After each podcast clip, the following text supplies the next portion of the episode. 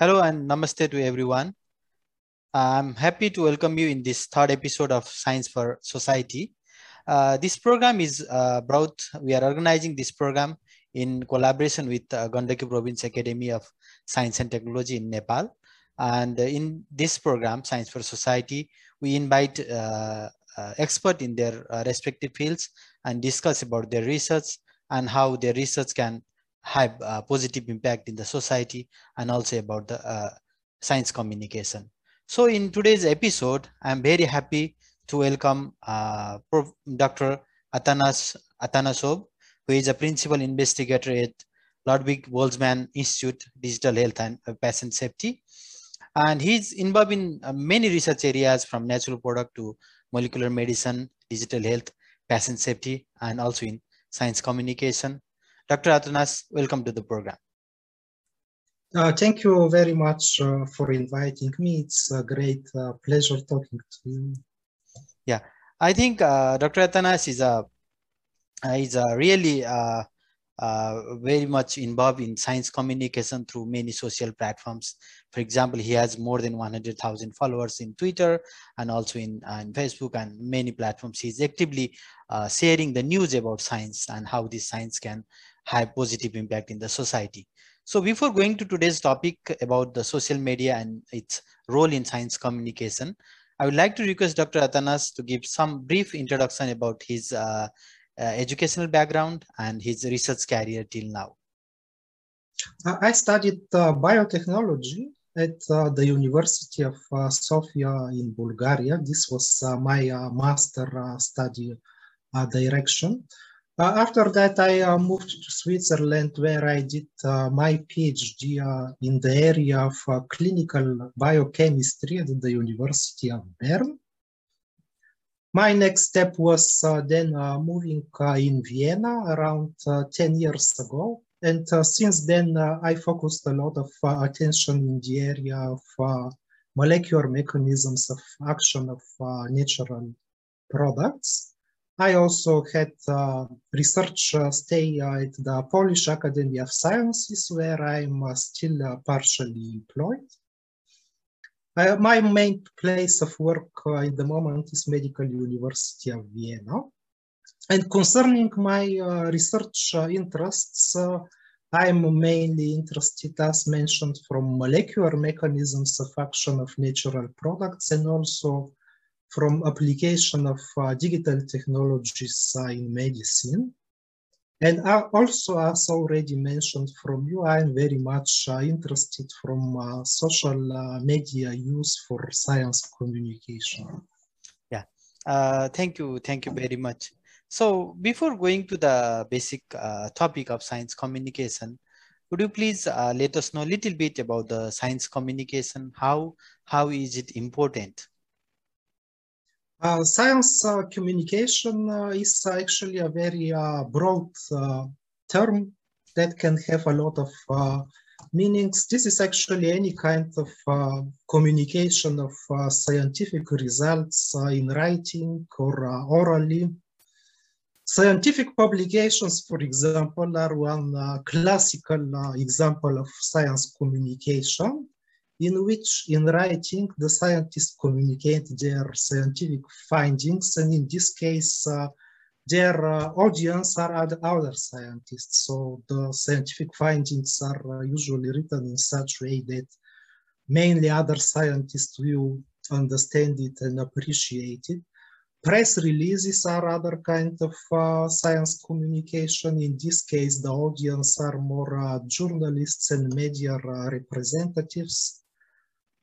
Coverage of scientific findings on the news, on radio programs, on newspapers. This is also different kinds of science communication. Presentation of results also at conferences where scientists again communicate the results with each other. Our interview here uh, can be also seen as kind of science communication since we discuss science. And why all this is important? there is two quite important points that I would like uh, to mention uh, science communication from one side is very important for the development of science, science as a whole. So when we make some important uh, finding, it's very important to communicate it to other scientists so this finding can uh, be adopted from others and can help the development of science as a whole. This is the one point. And the second point is that it's also very important to communicate research findings to society so that the society can uh, make uh, some uh, benefit to harness the benefit from the scientific findings. And here I would like to make one, to give one practical example. Yes, please. Uh, you and me, we work bo both work in the area of uh, health promoting natural products. Yes. And when when we find some excellent properties of natural products that are health promoting, it would be very important to communicate this to the society so that the people can know about that and can profit from this knowledge for their own health promotion. And in this way, they uh, harness the benefits of our research and we make important contribution to public health as a whole. Uh, thank you very much. So you have been involved in uh, science and you have been involved in science communication even before the emergence of uh, social media, let's say in past uh, one and a half uh, decade. So how do you find the difference of uh, science communication, especially in the social media after the emergence of many medias like uh, there is Twitter, there is a Facebook, and there are many other platforms. And due to the development of uh, technology and having these smartphones in hand, uh, many people, like even common people, can access to the scientific information in a very easy way. So how do you find the difference? What may be the advantage of having social media? Uh, I think the use of social media for science communication is uh, bringing big innovation in this area. And this is not so much related to the communication of uh, scientists uh, in relation of uh, science communication, because also before there were a lot of different ways for productive science communication between scientists like the scientific publications, conferences, and so on.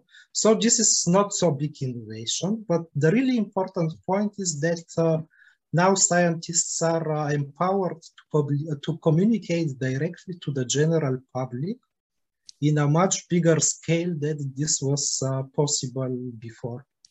Creation of social media account is uh, very simple and uh, scientists are really now able uh, to directly speak to the public. It, this is role that before was more uh, fulfilling, fulfilled from journalists. But uh, now really uh, every scientist has a huge capacity to very effectively directly speak to the general public. Yeah, Th thank you very much. So uh, I am also involved in some research collaboration with you by, by using the uh, social media for science communication also, and we're also using social media as a research tool. So our interested uh, listeners or viewers can also have uh, a link of uh, Dr. Atana's uh, presentation about uh, Twitter as a tool for biomedical application in YouTube also. But uh, for a general discussion, like, would you please give us some example of like how you are using social media now for communication of your results or any other scientists, any other research results that may be the beneficial to the society or in another way, how you are using social media such as Twitter for your own research? Uh, I personally really like uh, basing my science communication uh, activity on uh, good quality scientific papers. There is different ways uh, to use social media. Some people prefer to use uh, it for preliminary results, for example, or just to exchange ideas with other uh, scientists. My preferred way is really to focus on uh, very good research that is already published. And this is one personal application. And uh, another uh, approach that I found uh, very useful is uh, the use of uh, social media hashtags. Hashtags, yes. That, that, that are uh, related to science communication in order to uh, create scientific com communities around uh, these uh, hashtags.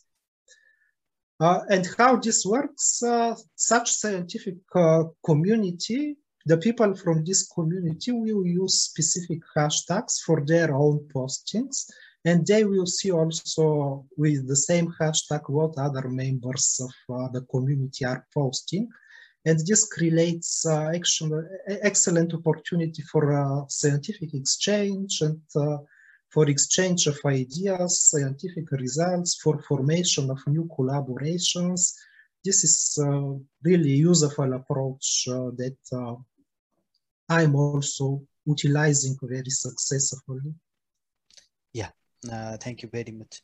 So uh, with the emergence of uh, social media, uh, do you see any big shift or been any changes in uh, science communication now or the innovations that are uh, happening now in this social media and other platforms? What future changes you can see in science communication? What impact will, will it have in the future? Uh, a very interesting aspect actually is that uh, the young generation is using uh, social media as a main source of uh, receiving information, including also science-related information. So the young people don't use uh, so much information uh, derived from TV, from newspapers, from radio. Really very big part of the information that uh, they receive is uh, coming from social media posts. And this actually means that the importance of uh, the social media for science communication is already very high now. And I also expect that uh, it will further increase in the future. Because of course, the young people will decide what will be the future there will be generation changes and what the people are doing today will be more and more pre prevalent in the future. So I expect the significance of uh, social media for science communication to further increase in yeah. the future. Uh, thank you very much. So as you said in the beginning, like the form of science communication was uh, different in the beginning, like uh, making a research paper or presenting in the conference and uh, being mm, presenting the results in maybe some news outlets or television or radio will describe it the newspaper or in some some sort of bulletin uh, like tele television or radio. Uh, but now with the emergence of social media anyone can just write like it a, uh, like a blog without even a scientific evidence or maybe someone can just copy a link of the article and share in any platform. So uh, I think uh, there are also risks or disadvantages of using uh, social media without the evidence. So uh, what do you think are the main risks now of using social media for sharing the scientific information? Uh, you're absolutely right. As I already mentioned, the social media is empowering scientists to communicate science. But the big problem is that uh, it gives uh, the same power not just uh, to people who understand science, but to everybody. Everyone, yes. And the biggest risks comes uh, when people who don't have so sound scientific knowledge uh, start uh, communicating science-related topics. And uh, here the risk comes actually that uh, for the general public it's not always very clear who is the real expert, who has deep knowledge and who doesn't have. Yes. On social media, very often uh, such posts attract big attention, uh, which are uh, written in very self-confident way. But self-confidence doesn't mean that the person has the knowledge. Yes. So it really happens that sometimes such postings are attracting a lot of attention that are not based to uh, to real scientific uh, credit to, to, to credible science, credible right? Science. Yes. Also, other kinds of uh, posts that attract a lot of attention are uh, uh, posts that are emotionally charged, such postings that are using uh, angry language, for example, and that are uh, exaggerating and over-interpreting and so on. This is another example of posts that attract a lot of attention. And uh, this is quite often counterproductive because uh, very often it contributes to uh, spreading of uh, misinformation. Another issue that I would like to mention is that uh, postings that are uh, written from famous people often have very big impact on the public opinion. For example, uh, politicians, uh, movie actors, uh, sport stars. These people, uh, when they speak for science-related topic, very often just say their opinion Yes. because often they don't have the deep knowledge on the topic. But this has uh, huge impact on the public and it can also contribute to the distribution of uh, misinformation. And this is very dangerous, uh, as we have seen recently, for example, with the distribution of uh, misinformation related to COVID-19 vaccinations yes. that has uh, really harmful effects on the public health. Yes, uh, uh, thank you very much. So that actually brings to my next question. I think due to the emergence of uh, COVID-19, the coronavirus infection is a, a pandemic and uh, many people are now depending upon uh, the social media for the information, for the uh, fast and reliable information. But also, like you said, there are a lot of uh, not reliable information available there. So in the last, uh, let's say one and a half year after the emergence of uh, this infectious disease, uh, COVID-19. What what did you see the change in uh, the the social media, the use of social media, especially for the science? Uh, I don't. I didn't see some dramatic change in the social uh, what attracted my attention is that actually the role of uh, COVID-19 related uh, discussions is now, it really takes really central uh, uh, place in the scientific discussions on social media. But this is also the same on other media. This disease really affected all spheres of life. And yes. the science communication in social media is no exception.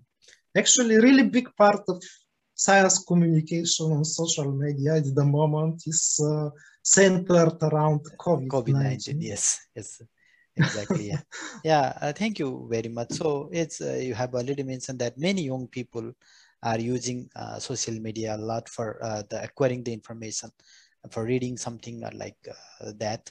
So what what do you think uh, that what uh, thinks uh, the general public or young people who may not have that much scientific background should be careful uh, uh, about depending uh, on social media for science scientific informations? What do you think are like what what are your ideas for younger generations and also the common common people? my general recommendation is when reading science related post on scientific uh, on uh, social media, really the first question to ask is uh, what is the credibility of the source. So when somebody speaks for uh, science on social media, what are actually the qualifications of this person? Does he or she understands well and at a deep level uh, the topic? Uh, also, when, for example, there is uh, shared a link to some science-based content, is this link coming from credible source? Credible source, yes. So is it just some blog post or is it a scientific publication in very prestigious journal? On what, from where is the coming the information and what are the qualifications of the person who is sharing it? These are important questions to ask. And uh, concerning especially the young scientists that are uh, using uh, social media, I would like to really encourage them uh, to invest the effort to communicate science on social media and to contribute uh, to counteraction of the science misinformation that uh, exists. And this can also bring for young scientists actually uh, big benefits for their career development because uh, this can uh, bring them uh, unique visibility and also unique uh, networking opportunities.